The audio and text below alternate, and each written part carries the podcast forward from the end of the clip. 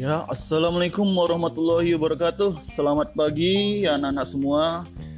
Kita berjumpa lagi bersama Pak Niko di podcast Belajar dari Rumah. Nah, pada topik kali ini kita akan belajar tentang menyimpulkan informasi dan pesan dalam iklan. Nah, dalam materi ini diharapkan anak-anak mampu menjelaskan kembali unsur-unsur pembentuk iklan, menyimpulkan informasi pesan ajakan di dalam iklan. Pertama adalah unsur-unsur pembentuk iklan. Pada podcast sebelumnya kita kan kita sudah belajar tentang pengertian dan karakteristik dari iklan. Dan, dan kita sudah memahami perbedaan iklan, slogan, dan poster. Nah, mm, di sini juga kita perlu memahami iklan berdasarkan unsur-unsur pembentuknya seperti sumber, pesan, media, penerima, efek umpan balik, dan konteks. Pertama, sumber. Sumber ini adalah pemasang iklan yang berinisiatif dan penyandang dana dari pemasangan suatu iklan.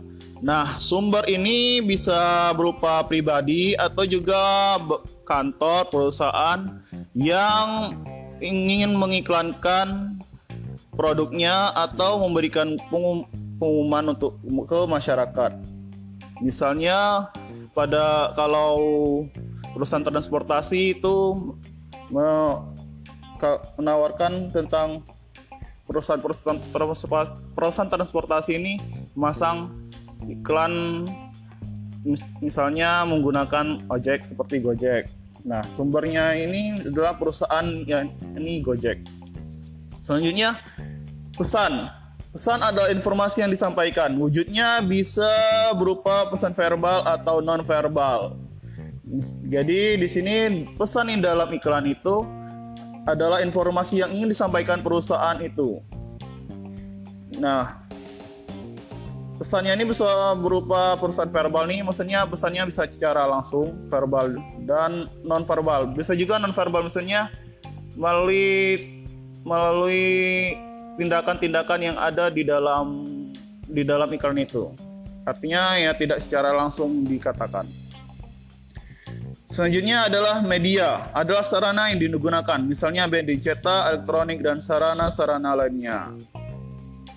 Selanjutnya, penerima adalah individu atau kelompok masyarakat yang menjadi sasaran atau objek iklan. Nah, kalau media itu kan adalah tempat kita untuk iklan, beriklan. Misalnya di di baliho, di poster atau di internet, YouTube atau media video. Sementara penerima ini adalah kita yang menjadi objek sasarannya. Misalnya misalnya iklan model kecantikan, tentu sasarannya adalah perempuan. Nah, selanjutnya adalah efek. Adalah perubahan yang terjadi pada diri penerima, baik itu di dalam aspek sikap, pola pikir, perilaku, kebiasaan, dan pola hidup. Misalnya pada ik misalnya pada iklan Gojek. Nah, di dalam iklan Gojek itu kan kalau anak pernah lihat itu jadi orang yang biasa menggunakan transport menggunakan kendaraan pribadi menjadi lebih tertarik menggunakan kendaraan umum sehingga tidak menimbulkan macet. Dan juga misalnya kita melihat iklan sampo, tentu kita ingin merasa ingin merasakan seperti yang di sampo seperti seperti model yang ada iklan di iklan sampo seperti Anggun yang ingin rambutnya panjang, berkilau, dan tanpa ketombe. Umpan balik adalah tanggapan, reaksi, atau respon yang dikehendaki dari penerima pesan, misalnya dengan membeli produk yang ditawarkan dan menolak pemakaian narkoba. Misalnya di sini iklan sampo tadi kan kalau kalian pernah menonton iklan sampo yang ada anggunnya itu kan ditawarkan itu produk sampunya yang bisa membuat rambut ini rambut jadi berkilau tanpa ketombe. Nah, ketika kita menonton iklan itu, kita tentu ingin ingin memiliki rambut yang sama seperti Anggun dan membuat kita membeli produk itu yakni berupa produk sampo. Selanjutnya kita akan belajar tentang penyimpulan maksud suatu iklan. Nah, pola penyajian dari iklan ini kan sangat beragam, banyak jenisnya.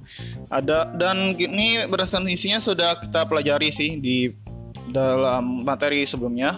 Ada iklan pemberitahuan, iklan layanan masyarakat, iklan penawaran. Nah, klasifikasi klasifikasi periklanan lainnya ini dapat adalah sebagai berikut. Yang lain, klasifikasi yang lain. Pertama itu adalah iklan strategis, digunakan untuk membangun merek atau citra positif suatu perusahaan.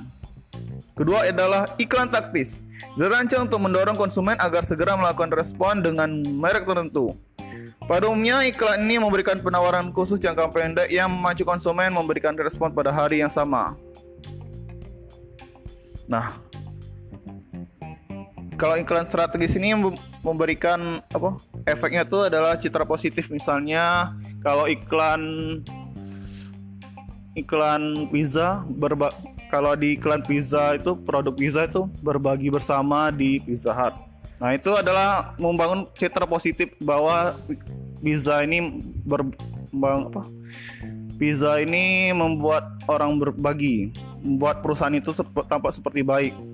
Nah, itu contoh di iklan strategis. Sedangkan iklan taktis ini berupa penawaran produk misalnya harus membeli itu misalnya memba, seperti iklan sampo tadi menawarkan membeli sampo. Nah, iklan ini kan ada di mana-mana. Bisa bisa di jalan kalian ketemu iklan baliho, dan juga di ketika kalian bermain Instagram, Facebook, kalian ketemu juga berbagai teks iklan, poster iklan yang ada di sana. Bahkan ketika kalian membuka akun medsos selebritis, kita tentu melihat seleb itu menawarkan produknya. Ya, hampir semua semua kehidupan kita tuh ada bahkan selalu ketemu iklan.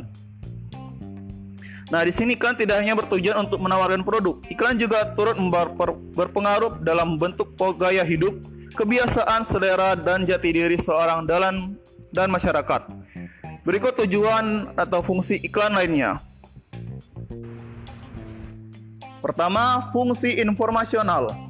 Iklan memberitahukan kepada konsumen tentang karakteristik sebuah suatu produk juga berbagai manfaat yang mereka peroleh. Ini fungsi informasinya untuk memberitahukan keunggulan produk.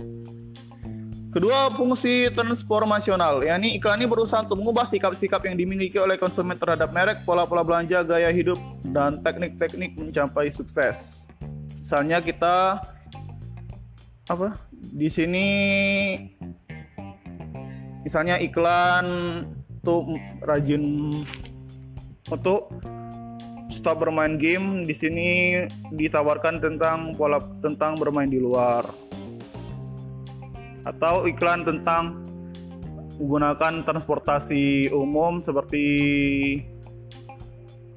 ya seperti yang di biasa yang biasa kita lihat di televisi itu mengubah kebiasaan kita yang menggunakan kendaraan pribadi jadi berusaha menggunakan transportasi umum. Oke, jika anak-anak menggunakan bukunya. Di sini ada sebuah teks iklan. Pertama ini ayo main. Lebih baik main di luar daripada nonton TV, baca komik atau main video game. Gunakan media secara sehat. Teks di sini kan sudah menggunakan memenuhi kriteria sebagai sebuah iklan atau poster.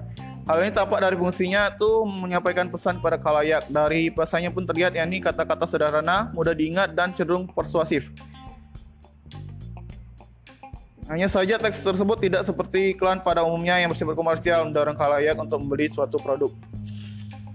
Nah, iklan tadi itu termasuk dalam kategori iklan atau poster informasional. Teks tersebut bertujuan untuk memberitahu khalayak bahwa bermain di luar lebih baik, asik, dan menyehatkan. Respon yang diharapkan berupa tindakan para remaja untuk memanfaatkan lingkungan sekitar sebagai arena bermain daripada menghabiskan waktu dengan menonton televisi, membaca komik, atau bermain video game.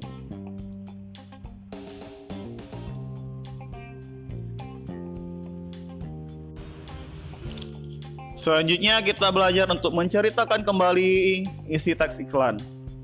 Nah, dibandingkan dengan teks lain seperti teks narasi, teks deskripsi, Iklan ini merupakan teks yang ringkas. Hal ini terkait dengan ruang yang diperlukan dan biaya yang harus dikeluarkan.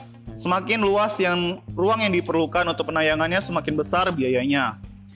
Dan semakin lama durasinya itu semakin besar biaya untuk iklan itu. Oleh karena itu, kata-kata dalam iklan itu harus diperuntukkan keefektifannya.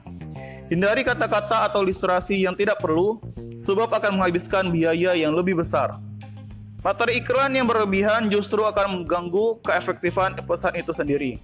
Kalau nah di sini para yang kita per, perlu ketahui yaitu khalayak umum nih masyarakat ini cenderung tidak menyukai sajian seperti itu karena terkesan menggurui. Jadi iklan itu tidak boleh menggurui penonton atau menggurui masyarakat. Nah, sekian pelajaran kita pada hari ini.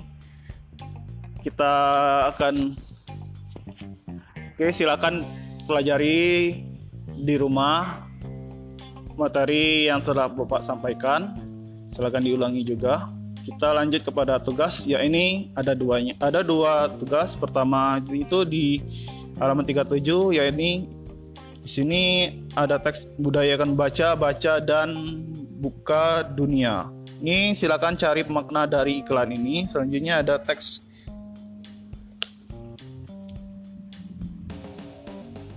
hmm. di sini sayangnya tidak jelas di buku Selanjutnya ada teks gratis jemput kiriman paket agen pos. Silakan tulis maknanya dari iklan itu.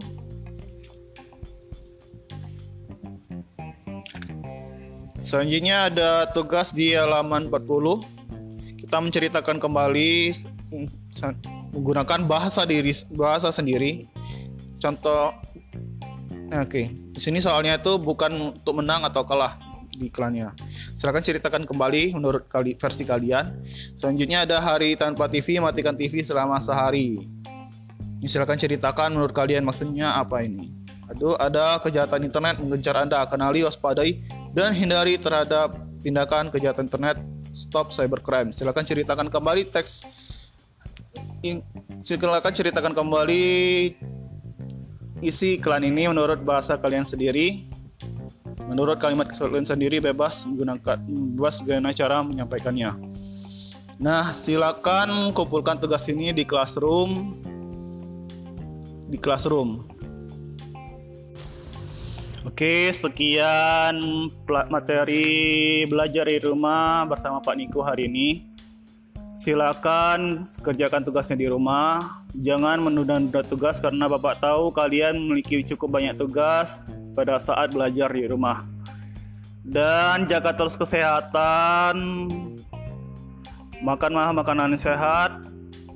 Seringlah berjemur eh berjemurlah di luar secara di di luar selama 30 menit dan kurangi aktivitas di luar, perbanyak aktivitas di rumah. Jaga kesehatan, sering-sering berolahraga di rumah dan selalu dan tetaplah berbahagia meskipun harus belajar di rumah. Sekian, sampai ketemu lagi pada edisi podcast selanjutnya dan mari kita berdoa bersama-sama semoga pandemi corona ini segera berlalu dan semoga kita semua tetap sehat walafiat.